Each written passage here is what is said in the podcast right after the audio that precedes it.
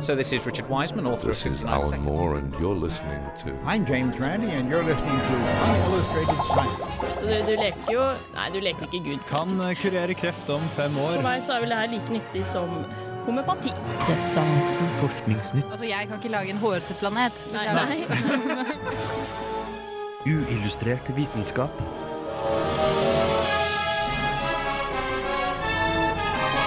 Science, works. I forbindelse med valentinsdagen i morgen blir tema for sendingen i dag kjærlighet. I løpet av den neste timen vil du få vite hvordan kjærlighet kan gjøre deg gal, hvorfor vi føler kjærlighet, og vi vil også gi deg noen sjekketips med grunnlag fra solid forskning. Ja, hei og velkommen til Uillustrert vitenskap. I dag så har vi en eh, temasending fordi det er valentinsdagen i morgen. Eller det spørs om når du hører, på denne her podkasten, men for oss så er det i hvert fall i morgen. Eh, vi står føles som sild i tønne egentlig, for vi er veldig mange i dag, og vi har et litt mindre studio enn vanlig. Men eh, jeg har i hvert fall med meg som alltid Gaute, Hallo, hallo. eh, Agnes, Hallo! Øyvind, Hei sann. og så har vi også fått med oss en gjest fra ja, avisa i studentmediene, er det det? Ja, det er riktig. Ja, eh, Ola. Ola, er det det det heter? Hei, hei. Eh, og hva er dine spesialfelter, eller hva er det du studerer? Jeg studerer samfunnsøkonomi, så det er kanskje spesialfeltet mitt, men eh, I dag så er det ikke det. nei, jeg er en mann av mange ferdigheter. Ja. ja nei, men jeg syns vi bare skal sette i gang musikk med en gang. Ja. Eh, snart får du saken til Øyvind om apers morsforhold, siden det er det Øyvind forbinder med kjærlighet. Eh, ja. For, forresten også så vil jeg også nevne at eh, dette her blir en ordentlig kjærlighetsspesial. Eh, I fjor så hadde vi også en liten temasending i forhold til at det var valentinsdagen. Eh, siden Rune, som ikke er med i programmet, hadde noe om noe absurd sneglesex. Eh, Denne sendinga her blir kanskje litt mer seriøs, så dere får faktisk lært noe nyttig her, tror jeg. Kanskje. Eh, Men nå får vi komme oss videre. Nå får du Napoleon av Syhi the Prince.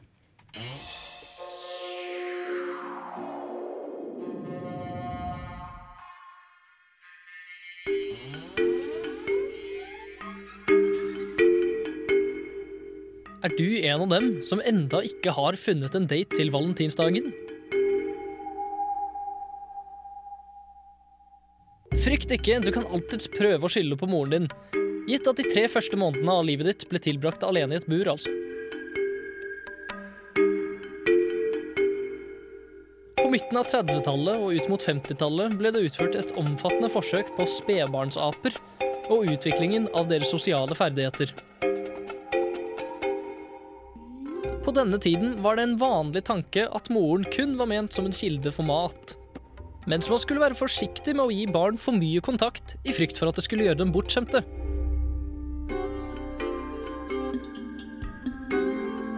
Dermed prøvde forskerne bak eksperimentet å plassere to forskjellige dokker med hver ape for å spille rollen som mor. Den ene var laget av hard ståltråd, og den andre av mykt tøy. Det viste seg at apene alltid holdt seg med tøyfiguren, selv om maten alltid ble satt ved figuren av ståltråd. Videre ble det annet utført et stress- eller fryktforsøk, om du vil, som gikk ut på at apene ble satt i et rom med et fryktinngytende element. Apene viste seg faktisk å være langt modere hvis morsfiguren var til stede. Altså kom han fram til at moren var mer enn bare en kilde til mat. Likevel viste det seg at apene med en tøyfigur som mor og eneste selskap på mystisk vis endte opp med antisosiale tendenser. Hm, rart. Så hvis du kan identifisere oppveksten din med en av disse apene sin, kan du ganske sikkert vite at mangelen på en valentinsdate ikke er din skyld. Og hvis du ikke føler deg modig nok til å spørre noen ut, så kan du alltids prøve å ha med deg moren din.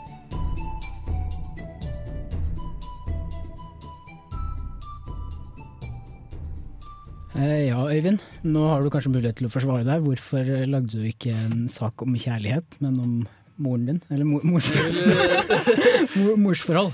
Det, det, er jo, det handler jo om kjærlighet, det òg, da. Men Ja, det er, jo- det er jo en form for kjærlighet, men det gikk liksom opp for meg litt sånn mens jeg var midt inni å ha skrevet uh, manus til den her, og liksom funnet ut ganske en del om den, disse forsøkene, så gikk det opp for meg at shit, det her handler jo om morsforhold, det.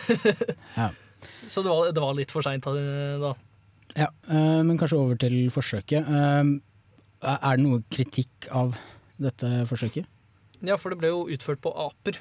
Og de er jo, det er jo De er jo ofte sånne flokk Lever i flokk. Eh, gjerne.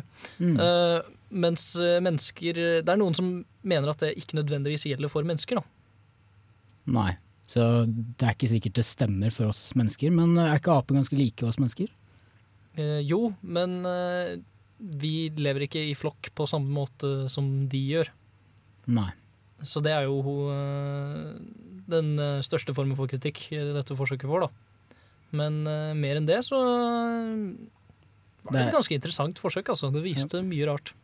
Men ja, jeg tenker nå kanskje er det noe etisk kritikk mot dette her? For det er jo alltid litt etisk betenkelig å være slem mot andre dyr. For Ja. å lære det, Det var vel ikke mer eh, etisk eh, kritikk her enn det som eh, man pleier å få.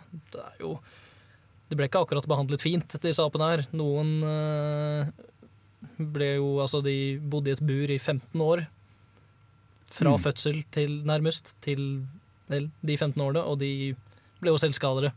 Og så lurer man litt på hvorfor de ble asosiale, noen av de. Det kan det ha noe med at de bodde i et bur i 15 år?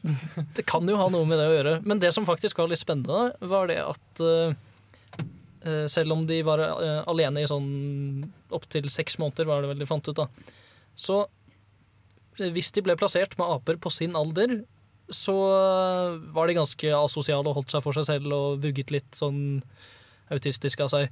Men hvis de ble plassert med mindre, nærmest nyfødte aper, så lærte de seg hvordan de skulle oppføre seg. Så fikk de liksom et nytt forsøk, da. ja. Eh, og fikk disse apene noe forhold til de der eh, figurene? Eller Eh, faktisk, ja.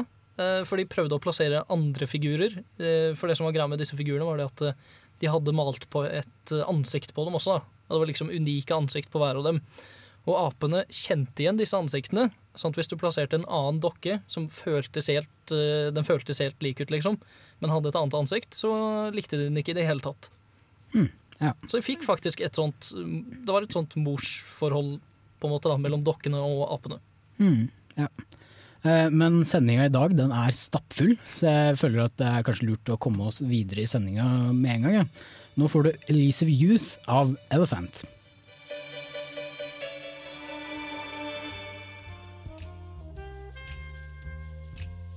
La oss ta en tur tilbake i tid, til en tid for hundrevis av generasjoner siden. Så kan du se for deg to par, og begge parene skal få et barn. Det ene paret har følelser for hverandre, de er knyttet til hverandre og sammen forsørger de barnet. Det andre paret har ikke de samme følelsene for hverandre, de splittes opp og barnet blir kun forsørget av én forelder. I en tid hvor ressursene er knappe og barnedødeligheten høy, vil barnet med de to forelskede foreldrene ha størst sjanse til å overleve og sende sitt genetiske materiale videre. Evolusjonspsykologer tror at når denne prosessen har blitt gjort flerfoldige ganger, i generasjoner på generasjoner, har de parene som knytter seg til hverandre, hatt et fortrinn når det gjelder å forsørge barn, slik at kjærligheten som en egenskap har gitt et fortrinn i kampen om å føre sin genetiske arv videre.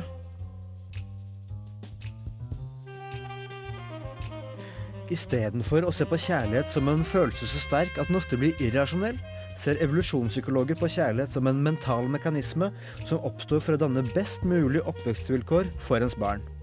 Man kan nesten si at det er av kjærlighet til ens framtidige barn at vi forelsker oss i utgangspunktet.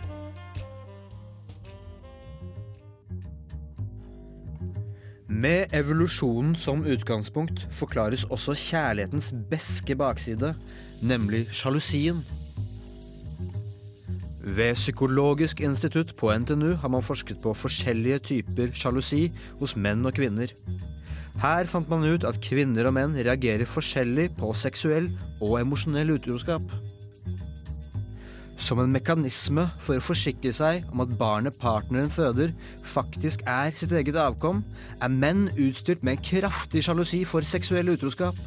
Det ville jo, med tanke på å spre sine egne gener videre, vært en katastrofe med mann gikk et helt liv og forsørget barnet til en annen mann. For kvinner var det motsatt. De vet jo tross alt at barnet de får, inneholder deres genetiske materiale. Her svarte over 80% av de kvinnelige deltakerne at emosjonell utroskap var verre enn seksuell utroskap. At kvinner blir mer sjalu dersom kjæresten har et rent emosjonelt forhold til en annen kvinne enn om de kun har sex, kan forklares med at det historisk sett har vært svært viktig å ha en partner som er forpliktet til å forsørge sin egen familie. Kjærlighet sett gjennom en evolusjonspsykologs øyne kan ofte virke litt kald og kalkulert. På en annen side er det få vitenskapelige grener som ilegger kjærligheten en såpass viktig funksjon. Her er ikke kjærligheten bare en deilig, fortryllende følelse, den er rett og slett en nødvendighet. Ja, der fikk du saken til Ola om eh, ev hvordan evolusjon kan forklare kjærlighet. Eh, men hvordan er vi så sikre at eh, kjærlighet, eller evolusjon kan forklare kjærlighet? Det er jo litt vanskelig å forklare evolusjon, eller i hvert fall evolusjonspsykologi, da, og det, dette med kjærlighet er Man ser jo og observerer at vi er forelskede i hverandre, og man kan også tallfeste det. Men på en måte å forklare det med hvilken atferd som tidligere har vært eh, fordelaktig å føre genene sine videre, det kan være litt problematisk. Mm. Ja. Det blir på en måte med teoriene. Ja. Vanskelig å falsifisere den slags eh, vitenskap. Finnes det noen andre felt som kan forklare kjærlighet? Eller tror du det er noen som forklarer det bedre? Mm, jeg syns det er godt på vei, og jeg, jeg er enig i veldig mye også, men andre felt mm, Jeg er ikke helt sikker, jeg. Du har jo på en måte eh, Ja, du har jo kjemien også som spiller inn, og det du sier om at, at hvor glad man er i hverandre også har altså det kommer, Når alt kommer til stykket, da, så handler det om hvor glad du er i avkommet ditt. Og, ja, det er veldig hyggelig. Eh, men det som er eh, tilfellet der, er at vi blir faktisk forelsket i de menneskene som har eh, motsatt eller annerledes immunforsvar av oss selv. Og det er nettopp fordi at barnet skal få det beste avkommet. Og vi blir også forelsket i folk fordi at vi innbiller oss at vi ville fått et bra avkom med denne personen. Men hvordan ser man at eh, et annet menneske har ulikt immunforsvar av deg selv? Jeg kan f.eks. ikke se hvordan immunforsvar du har. Nei, det er ikke noe du ser, det er noe du kjenner. Og det kan man kjenne via f.eks. feromoner. Ja, svette. Ja, svette. svette. Og det er også derfor man har hår under armene. Da. Så det er veldig lurt å ha hår under armene, for det Ja. samler opp eh, den svetten med de feromonene som sender ut. Og de feromonene er så sterke at uansett hvor mye parfyme du har på deg, så vil vi kunne kjenne feromonene. For det er et duftspråk. Som ikke, Man trenger ikke å lukte det, men man vil ense det da, uansett hvor mye man prøver å kamuflere det. Men der har jo det moderne samfunnet ødelagt litt, for at nå bruker jo alle parfyme og deodorant osv. for å skjule svetten.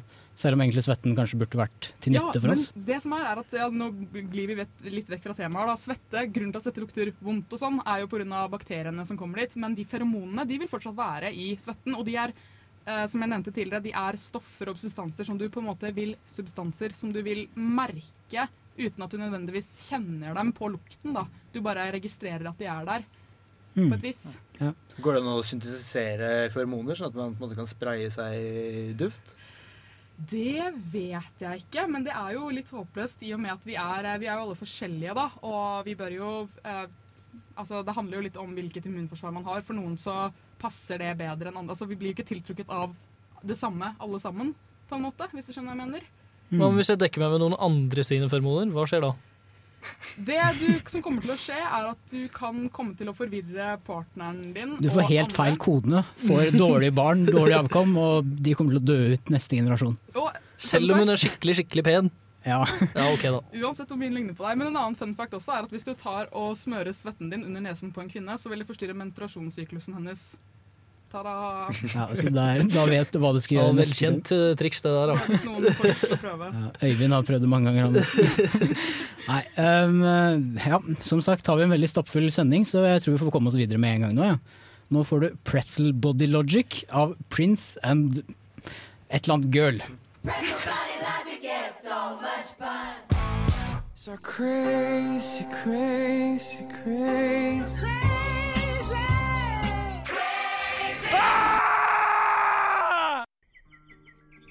Har du noen gang kjent deg gal av forelskelse? I så fall har du helt rett. Du blir faktisk litt gal av å være forelsket. Forelskelse er en slags fysiologisk tvangstanke, og når man er forelsket, er man i en svært kritisk fase. Årsaken til at man kan bli ja, gal av forelskelse, skyldes i høy grad at signalstoffet serotonin i kroppen reduseres kraftig. Personer som er forelsket, har like lavt serotoninnivå som mennesker med sterke tvangslidelser. Det er ofte grunnen til at vi ikke klarer å tenke på noe annet enn personen vi er forelsket i. Men det er ikke bare nivået av serotonin som tukler med deg idet du blir forelsket. Her kommer en semifullstendig oversikt over ingrediensene til forelskelse. Oksytocin. Dette stoffet gjør at vi ønsker å være nær hverandre, og hormonet har også fått klengenavnet cuddle hormone. Dopamin er lykkehormonet som fungerer på belønningssenteret i hjernen. Dopaminnivået hos forelskede personer er like høyt som når man tar en gatedose med kokain. Fenyletylamin er et stoff som ligner på dopamin og amfetamin, som gir eufori. De to siste ingrediensene er norefnefrin og adrenalin, som stimuleres under psykisk stress og påvirker bl.a. hjerterytmen. Dersom du enda ikke har opplevd å bli skikkelig forelska, så fortvil ikke. Det er nemlig mulig å oppnå en middels forelskelse ved å spise om lag 15 kilo sjokolade. Snakk om vinn-vinn-situasjon.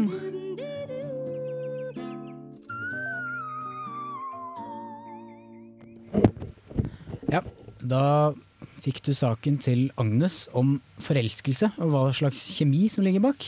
Det Ja. hørtes spennende ut. Ja, for det, er jo det som er litt av poenget, er å kanskje avsløre forelskelsen eh, litt. Og beskrive at den ikke er så veldig magisk, da, som folk kanskje tror, men at den også består av ting som du kan Jeg vet ikke om du kan brygge kjemi, men nå vet vi iallfall litt om hvilke ting som slår inn da, når man blir forelsket. Ja, så den er vitenskapelig, den også. Den er også veldig vitenskapelig. Ja. Og eh, som jeg nevnte, så er det jo slik at man kan få en middels forelskelse av 15 kilo sjokolade. Og det er fordi at eh, kakaobønner inneholder et stoff som heter fenyletylamin. Som er et stoff som minner litt om dopamin. Det virker på belønningssenteret i hjernen. Og som da gjør at vi, vi føler oss mer kvikke, da, og vi blir også litt mer fylt med lyst. Mm. Så jeg vet ikke hvor, på hvor lang tid du er nødt til å spise 15 kg sjokolade, men det skal la seg gjøre, da, er okay. poenget. ja. Men har ikke kokain øh, Det utløser jo også dopamin. Ja, og det viser seg jo også da at eh, dopamin altså det, det utløses av forskjellige ting. Du kan få en veldig høy eh, eh, nivå altså Du kan få et veldig høyt nivå av å spille voldelige dataspill, eller å trene, eller å ja, gjøre forskjellige ting da, som, eh, som stresser deg litt. Så det, Men- men det er veldig sterkt hos forelskede, da. Vent nå litt. Så kokainmisbrukere vil bare være forelsket? Eller man kan si at forelskede personer blir som rusmisbrukere. På en måte, så kan man Ja. faktisk si det. Så dere som tror at dere er så flinke fordi dere er avholds, dere er ikke helt avholds. Kom ikke her. Dere kommer til å ha en hjerne som ser litt ut som hjernen til en rusmisbruker hvis dere blir veldig forelska. Ja, men det er litt mer naturlig, da. Eh, Litt mer Syns du det? Ja, er, ikke det, er det ikke det? Er kokain like naturlig Når som var Når var sist gang du satt kjærlighet intravenøst? OK, greit. Jeg tar det på min kappe. Jeg skjønner det. Ja, dere har jo for så vidt rett i det, da. Ja. Men så er det vel noen andre stoffer som uh, fungerer Ja. innenfor forelskelse? Uh, det er flere stoffer, blant annet uh, Øyvind snakket jo litt i stad om det med kos da, og de apene. Og der er det et hormon som heter oksytocin, som også er kjent som kosehormonet, da, som også slippes ut når et mor, en mor ammer barnet sitt. Og det er veldig viktig for at moren, moren skal knytte et bånd til barnet sitt. Da. Så er det det hormonet som spiller inn. Eh, og så er det jo også adrenalin. Og det som er uh, veldig interessant med adrenalin, er at det, altså adrenalin er noe som forbindes med psykisk stress og farlige ting, da. Men der kommer jo også evolusjonen inn. fordi at før så var det Altså det å få seg en partner, da, det var ofte forbundet som en slags kampsituasjon. Da. Det var ikke så lett. Du måtte kanskje slåss litt eller konkurrere med noen eller ofre noe da, for Mm. å få deg en partner. Så derfor er også adrenalin en del av forelskelsen. Og heldigvis så går jo forelskelsen over etter hvert. fordi hvis vi skulle fortsette å pumpe ut så mye adrenalin og være rusa på alle disse stoffene, så ville det vært veldig slitsomt, og vi ville mest sannsynlig dødd av utmattelse hvis vi hadde holdt på sånn i mange år, da. Å dø av forelskelse, altså. Eller ja. Ja, eller bli sinnssyk da, av forelskelse. Som også er. Det er jo det lave nivået av stoffet serotonin gjør at man får Altså, forelskelse er jo en tvangslidelse. ja, det er kanskje det. Men eh, ja, tvangslidelse, er det så mye likheter? At du kan kalle det Eh, det er likheter på den måten at eh, det lave nivået av serotonin gjør at vi ikke, vi klarer ikke å tenke på noe annet enn den vi er forelsket i. Vi har de samme humørsvingningene. Og hadde det ikke vært for at forelskelse ofte forbindes som en positiv ting, så ville vi vært veldig deprimerte og veldig, hatt veldig sånn høy, altså, høyt angstnivå. Da, og hatt det ganske kjipt generelt. Mm, Eh, ja, jeg syns vi bare burde komme oss videre i sendinga. Ja. Det, det er mange saker vi skal gjennom i dag. Uh, nå får du en kjærlighetssaken min, som uh, også er fin. Hvor jeg har blanda en del forskning inn i hvorfor vi føler kjærlighet. Men først Comes In Loudly, loudly av Fat Creeps.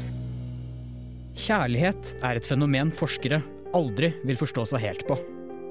Kjærlighet, forelskelse og tilknytning er alle sammen kompliserte prosesser som skjer oppe i hjernen vår, som vi i dag forstår til dels, men som vi aldri vil forstå helt. Men det stanser likevel ikke forskere å forsøke å finne ut mer, og det er gjort utallige studier på hva kjærlighet egentlig er, hvordan det utvikler seg, og ikke minst hvordan vi kan bli bedre på det.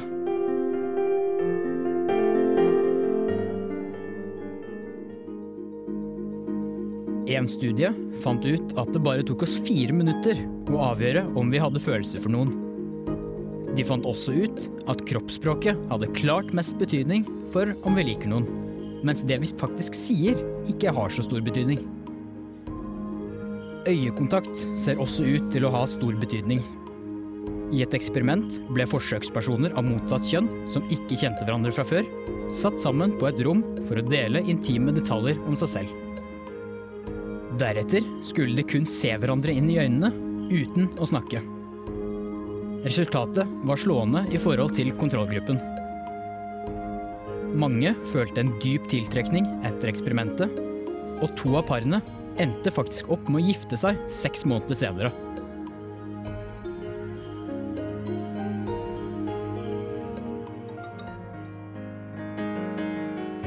Og studier viser faktisk at kjærlighet er viktig for helsa vår. Ved universitetet i Texas fant de ut at kaniner som fikk kjærlighet, hadde 60% mindre hjerteproblemer enn kontrollgruppen. Dermed var de både i bedre form og levde lenger. En annen studie fant forskerne ut at kjærlighet faktisk bedrer immunforsvaret vårt. Forskerne så en økning i immunoglobin A, som er kroppens naturlige forsvar mot forkjølelse, influensa og andre bakterier. Så selv om vi ikke vet alt om forelskelse og kjærlighet, så er det i hvert fall én ting som er sikkert. Det er bra for oss.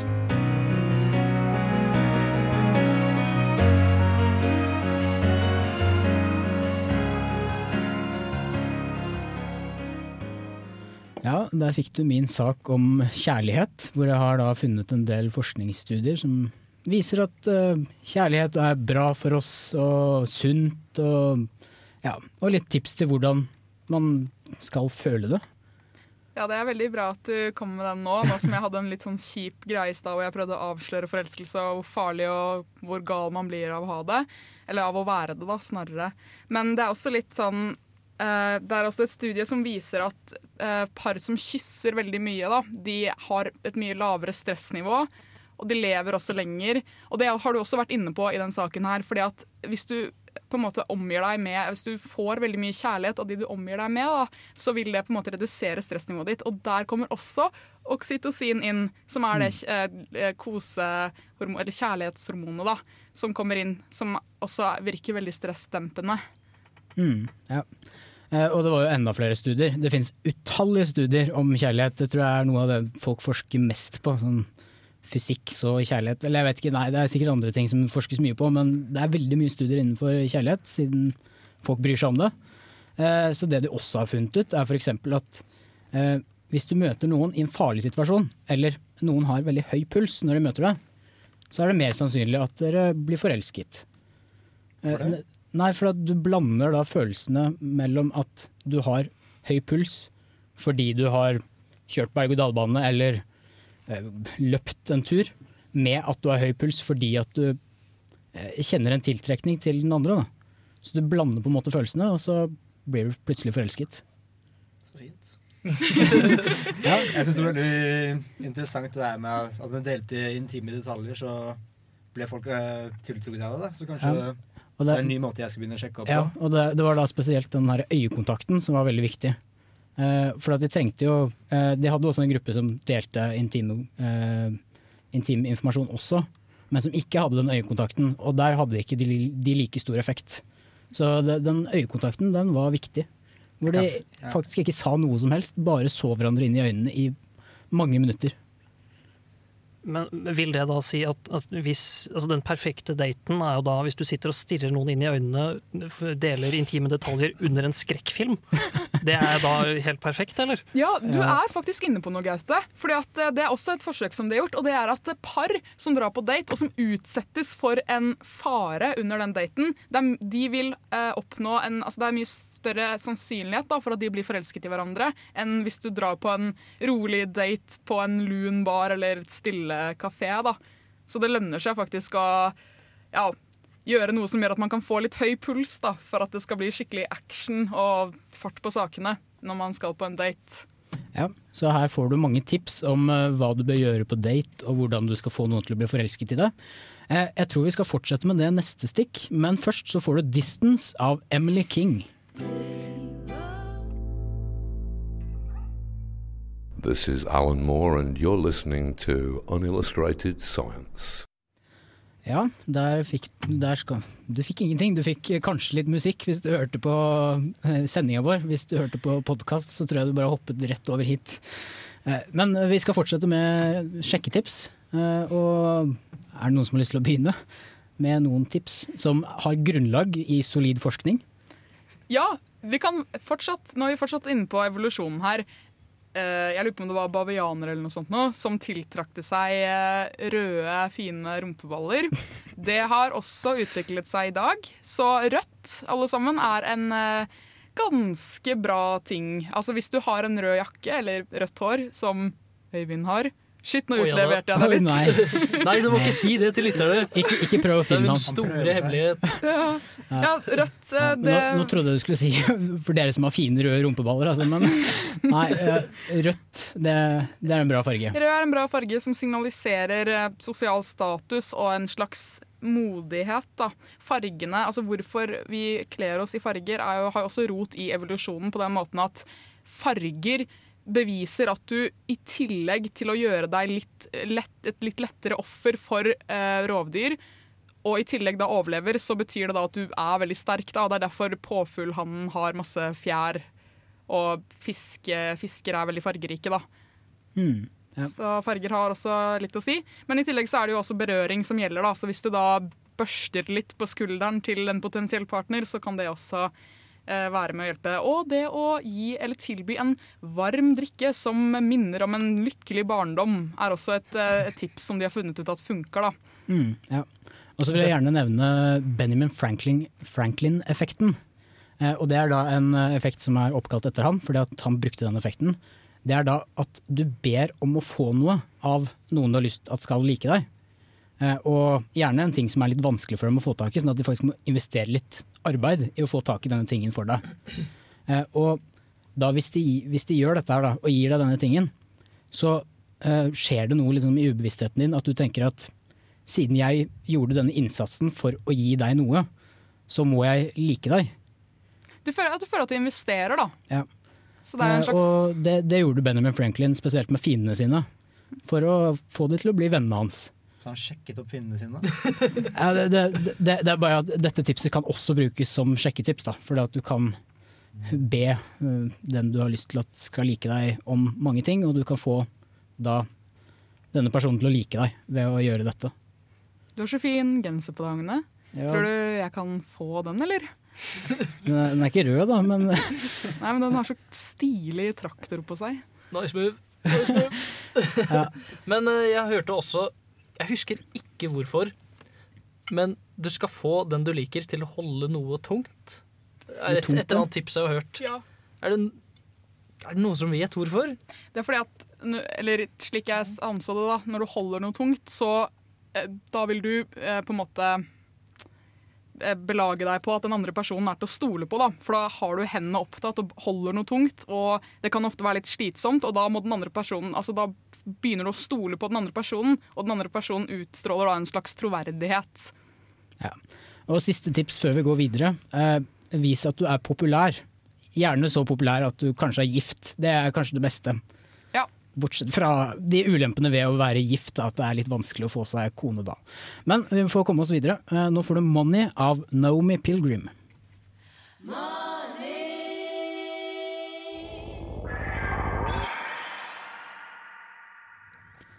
Ja, da begynner vi å nærme oss slutten. Så mitt navn har vært eh, Hogne, og med meg i dag så har vi hatt veldig mange. Vi har hatt eh, Ola som gjest. Ja, det var kjempehyggelig. Ja, jeg håper det var hyggelig. Eh, Agnes har vært med oss. Ja, Ha det! Og, ja, og Gaute. Og, og Øyvind. Stadig like kos. Så har vi hatt en eminent tekniker, Stian, som vi også får takke. Vi ses neste uke. Uillustrert vitenskap er Midt-Norges eneste teknologimagasin på lokalradio. Og vi snakker om alt fra populærvitenskap til sære forskningsprosjekt ved NTNU. Radio Revolt, studentradioen i Trondheim, er stolt av å kunne presentere podkaster fra de aller mest populære programmene våre. Hvis du har lyst til å høre mer fra Radio Revolt, hvem vi er og hva slags musikk vi spiller, så kan du høre oss på FM-båndet i Trondheimsregionen, eller streame sendingene våre live på radiorevolt.no.